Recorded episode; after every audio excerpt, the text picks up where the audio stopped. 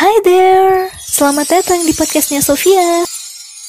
Jadi podcast I Tell You Something ini udah dikenal mancanegara ya. Jadi cakupannya tuh udah internasional gitu.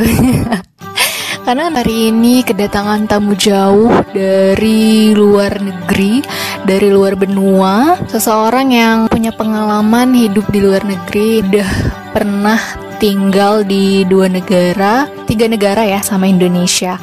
Satu di Eropa, satu di benua Australia. Tapi perjalanan dia di luar negeri itu juga gak seindah foto-foto updatean-updatean dia di Instagram.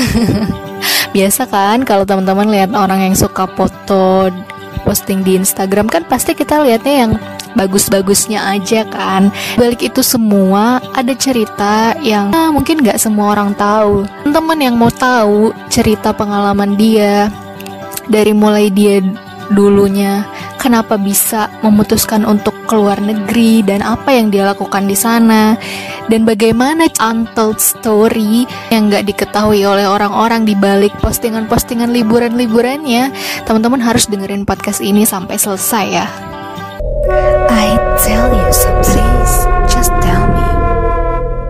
Hi everyone, my name is Teddy and I used to study in France but now I've been staying in Australia for almost two years now. I have a YouTube channel and I am making videos sometimes so don't forget to check it out and so this is the story of my life and I hope you enjoy it. Di sini aku pengen share pengalaman aku. Pengalaman sebenarnya perjalanan aku bisa kira bergulut di luar negeri karena menurut aku bisa bergelut di luar negeri ini adalah pengalaman yang menjadi once in a lifetime experience. Karena banyak banget hal-hal yang pribadi tidak bisa aku dapatkan ketika aku berada di zona nyaman aku yaitu di Indonesia. Dulunya sebenarnya aku ini berasal dari keluarga yang biasa aja. Dan bersyukur juga banyak banget hal-hal yang udah aku dapetin. Opportunity dari mulai education, competition, kemudian organization bahkan akhirnya ngebuat aku yang mana aku hanya diploma 3 sehingga hanya tiga tahun. Aku merasa bahwa jujur pada saat di awal pertama kali yaitu semester 1 banyak banget teman-teman aku yang bilang bahwa kita cuma ada tiga pada minder dan sebagainya.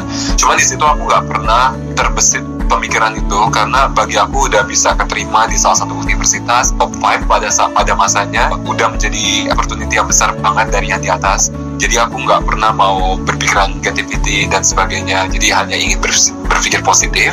Pada semester 5 aku merasa jadi terpikir kata-kata pada saat di semester 1 yaitu teman-temanku bilang tapi bukan dari negatif ya tapi lebih ke aku merasa bahwa ketika aku memiliki peluang satu tahun lebih sebenarnya itu masih ada aja gitu karya atau sesuatu yang bisa aku hasilkan di ranah pendidikan. Sehingga pada saat semester 5 aku memutuskan untuk mencari ekstensi untuk melanjutkan ke jenjang S1 yang mana aku bisa mendapatkan kesempatan untuk kuliah satu tahun tambahan. Dan pada saat itu karena universitas tidak ada aku tidak mau ngambil ekstensi yang kasarnya tuh kece ya. Jadi aku kasarnya nggak pengen kayak downgrade. downgrade lah. Iya kayaknya ke atas. Jadi waktu itu aku berusaha untuk mencari keluar negeri. Waktu itu kayak aku nyari ke Jerman ke Jepang ke Australia. Akhirnya aku ended up ke Prancis. Ya dari situ opportunity keluar negeri jadi besar banget. Apa yang membuat kamu akhirnya memutuskan Prancis dibanding negara-negara lain yang tadinya kamu cari tahu juga Ted? Ya jadi sebenarnya jadi kenapa Prancis? Itu juga sebenarnya kayak last minute decision banget sih. Oh, yeah. karena ah, iya karena saat itu kan aku memang nggak punya uang banyak ya. Hmm. kasarnya makanya aku juga mikirin nasib orang tua. Sebenarnya aku keterima di Jepang masih harus bayar sekitar 20 juta sampai 30 juta gitu untuk di awalnya. Itu dari sekitar 100 jutaan. Aku merasa uang segitu tuh masih berat untuk orang tua aku berikan. Hmm. karena memang papa tuh nggak mudah sih untuk memberikan uang papa tuh lebih mudahnya ke makanan aja nggak tahu kenapa. Tapi ya itu mungkin punya alasan sendiri biar akunya menjadi mandiri dan aku berusaha untuk melihat sisi positifnya itu sih. Hmm. jadi waktu itu aku berusaha kayak mencari cara lain dan akhirnya menemukan Prancis yang mana Prancis itu benar-benar free semua cuman living costnya aja yang harus bayar. Haluan ke Prancis jadi dalam enam bulan itu aku harus ngambil kelas intensif bahasa Prancis karena ada requirement saya kan.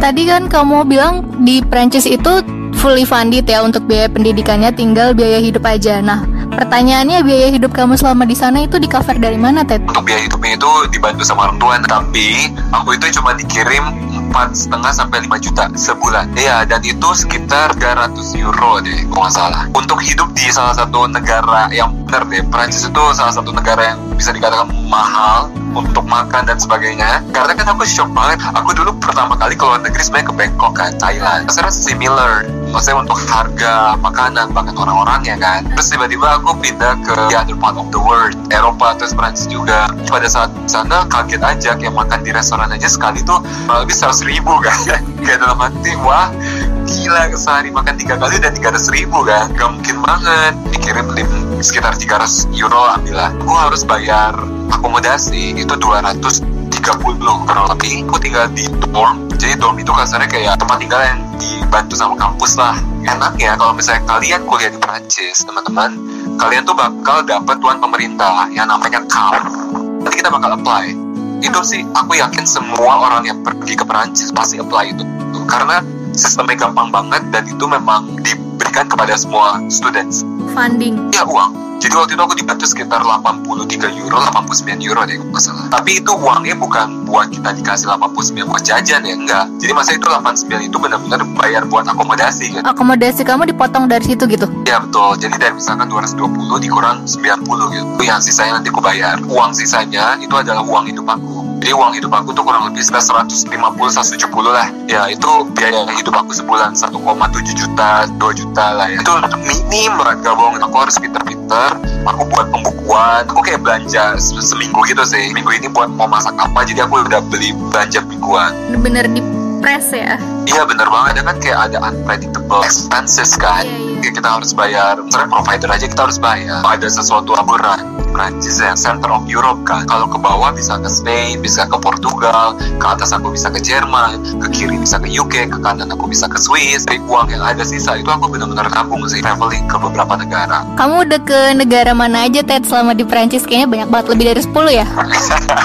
di musim dingin, which is bulan Desember pada saat itu aku pergi ke 9 negara Eropa. Itu tuh kalian traveling ke negara lainnya itu bisa pakai bus karena deket banget dia juga murah. Prancis pergi ke Amsterdam, ke Jerman, Poland, Austria, Czech Republic, Slovakia, Hungary, Belgium, Spring aku pergi ke Italia, ke tiga kota, ke Venice, Rome, sama Pisa. Musim panas aku pergi ke enam negara. Udah hampir seluruh Eropa lah ya.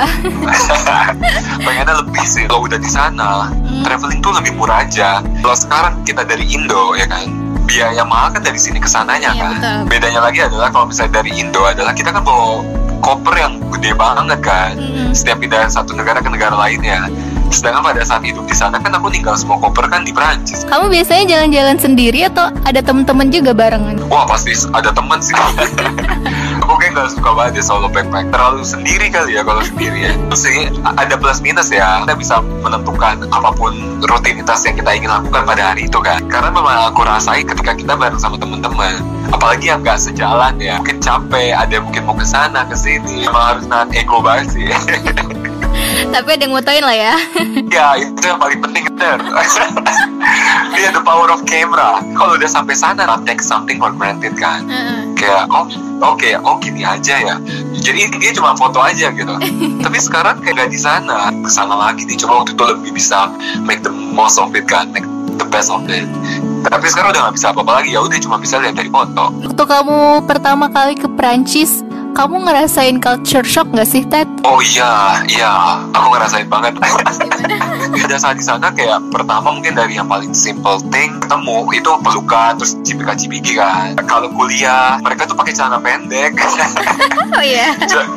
Iya, cuma t-shirt aja. Casual banget T-shirt ya. santai, iya casual banget. Sedangkan kalau kita di Indonesia kan pakai kemeja lah, terus celana panjang lah. Iya, kayak rapi gitu. Kanan juga, mereka tuh suka banget kayak makanan-makanan kanape gitu. Jadi kayak ringan-ringan, kosong, terus ham-ham, ham kecil-kecil gitu loh. Aku ingat banget hari pertama diundang untuk kayak semua international students tuh datang dikenalin semua gitu. Kita disiapin makanan kayak tadi yang kayak kecil-kecil gitu. Kirain kalau di Indonesia kan biasa ada nasi uduk lah, nasi kuning, ya kan kayak gitu-gitu. Aku juga serunya adalah pada saat kuliah di sana, mereka tuh ada kantin. Kita juga punya kantin sih. Sebenarnya kafeteri, kafeteria kali ya. all you can eat jadi dengan hanya bayar tiga setengah euro ya benar-benar aku ngerasa kayak di movie gitu loh kalau high school students Uh. atau ya university students yang kayak gitu tipenya jadi kayak wah ya saya momen itu tuh nggak bisa dibayarkan sih. Teman-teman kamu selama di Prancis orangnya kan internasional juga kan, gak cuma orang Prancis kan. iya betul. Gimana caranya bergaul secara internasional? Pertama kali aku datang ke Perancis itu aku kan udah punya prinsip ya. Hmm. kalau aku tuh nggak pengen menjadi orang yang minder aku nggak pengen menjadi orang yang gak confident aku harus percaya diri aja. Selalu membuka diri aku gitu cari teman terus juga paling berusaha untuk aktif gitu kan. Dan akhirnya mereka tuh kayak notice aku gitu loh. Dari situ tuh ngebuat kita tuh jadi gampang kan make friends ya berteman dengan mereka. Hi, uh, what's your name, where you from, kayak gitu-gitu. Aku jadi mengenal, oh kalau misalkan orang Prancis kayak gini Orang dari Spanyol kayak gini, orang Itali gini, orang Meksiko kayak gini Mereka tuh beda-beda. Dulunya ketika aku masih di Indonesia Lu mempunyai pengetahuan tentang international environment gitu-gitu Aku mikir kalau bule itu tuh sama aja gitu. Oke, bule itu kayak gini, mereka bisa bahasa Inggris. Ada pengalaman unik apa Ted yang nggak pernah bisa dilupain selama kamu di Prancis? aduh pengalaman uniknya kan sesuatu yang negatif kan dan sebenarnya pengalaman uniknya pun di aku juga negatif sih. Jadi aku keinget sesuatu aduh susah banget lagi dihapusnya gitu. Waktu itu kita kan pada saat yang aku liburan musim dingin itu kan tadinya berempat kan bersama temenku orang Indonesia duanya lagi dari satu dari Peru satunya dari Meksiko saat di Paris ya itu kan banyak banget pickpocket ya maling dan sebagainya copet gitu. Dan itu memang banyak banget. Wah hebat banget deh. Kasarnya ya maksudnya udah expert lah. Ya kalau misalnya kita nonton-nonton di film-filmnya itu benar gitu. Jadi waktu itu kita tuh nah kita kan lagi dari lantai satu mau ke lantai dua. Urutannya kedua temen aku yang kecopetan itu di nomor empat. Dia di kecop- kecopetannya itu di eskalator. Kalau eskalator kita diem aja kan? Iya, diem. Iya, maksudnya sampai saking berani banget kayak gitu gitu. Saya ketahuan ya dia langsung ketangkep dong karena di belakangnya percis gitu. Tapi kalian nggak ada yang Tapi lah uh, kita kan nggak maksudnya kan itu bukan aku juga itu kan orang yang keempat kan. Oh iya. dia nggak nge jadi itu bener-bener eskalator sempit banget. Satu space-nya cuma buat satu orang gitu. Jadi bukan yang buat dua orang bukan yang kayak di mall-mall gitu loh. Pas udah sampai di atas teman aku baru nge kok tasnya kebuka. Tapi kecopetan itu sih yang aku sedih. Akhirnya dia nggak ikut. Akhirnya dia batalin semua. Yang diambil apa aja? Eh, yang hilang tuh pouch. Paspornya juga hilang. Ya jadi udah ada paspor, udah ada dompet. Maksudnya pouchnya itu yang sesuatu yang penting-penting gitu. Ya traveling kan ada dompet lah, ada uang lah, ada paspor lah, kunci-kunci lah gitu. Repot Tapi ya. ya akhirnya malam itu kita langsung ke kantor polisi. Seminggu kemudian paspornya ditemuin. Hebatnya kalau di luar negeri teman-teman, mereka kan pasti bakal ngebuang ya Mm-mm. paspor, dompet dan sebagainya. Uangnya itu aja. pasti bakal uangnya doang. Nantinya tuh barang itu tuh bisa ketemu aja. Hebatnya itu sih. Tapi kamu nggak pernah kan kamu yang dicopet? Wah, aku sih bener-bener apa ya dalam hidup sih belum sih alhamdulillah. Kalau suka-sukanya kan kita udah tahu lah ya pasti enak. Kalau dukanya apa Ted selama di sana Ted? Ini sih pribadi dia ada dua mungkin. Yang pertama masalah ketika aku nilainya tidak sesuai ekspektasi aku merasa aku udah belajar. Orang-orang di kelas aku tuh pinter-pinter banget. Mereka tuh dulunya ekonominya ada international class kebanyakan. Karena kan Indonesia kan jadi aku kayak masih berusaha menyesuaikan Hmm. beberapa istilah pembiasaan. Gimana sih kuliah memakai bahasa Inggris terus juga? Dapetin nilai A di luar tuh susah banget karena mereka tuh sistemnya kayak 50% 50% 50% ujian 50% itu adalah biasanya presentasi. Lebihnya itu kayak nggak dihitung gitu loh. Dia nggak hitung PR nggak hitung KD kalaupun hitung pun kayak cuma 5% 10% aja.